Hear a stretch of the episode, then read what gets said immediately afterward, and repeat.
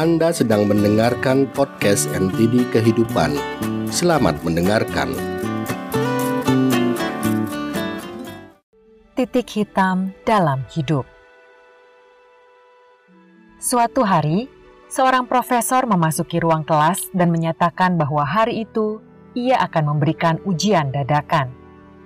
Para siswa pun segera menjadi panik dan resah. Sang profesor hanya tersenyum lalu membagikan kertas ujian pada semua siswanya. Namun, para siswa terkejut setelah melihat kertas ujian tersebut. Ternyata lembaran ujian tersebut hanyalah berisi titik-titik hitam di atas lembaran kertas putih.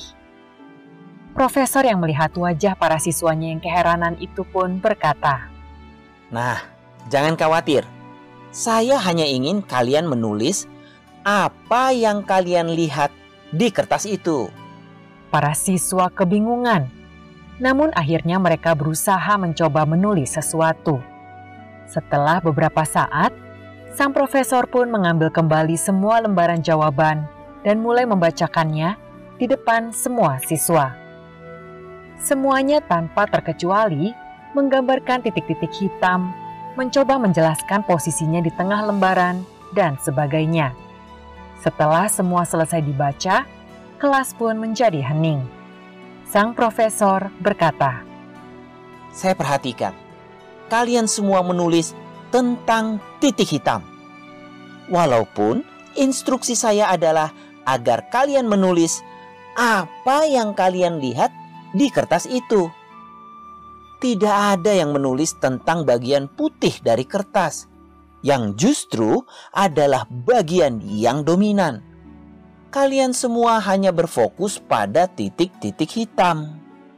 Sang profesor terdiam sebentar, mengamati wajah siswa-siswanya yang serius mendengarkan.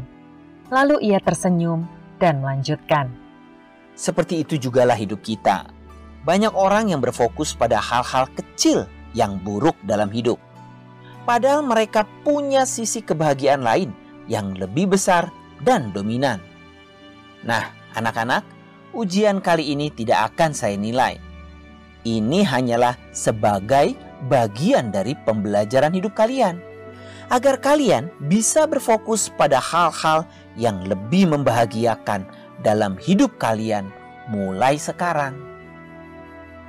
Hidup kita adalah hadiah terbaik yang diberikan Tuhan pada kita, dan harus kita syukuri setiap hari daripada memfokuskan diri pada titik-titik hitam dalam hidup, seperti masalah uang, karir, serta benci dan dendam, bukalah hati Anda untuk menikmati hal-hal yang lebih besar dan bermanfaat, dan mensyukuri segala berkah dan anugerah yang kita miliki dalam hidup.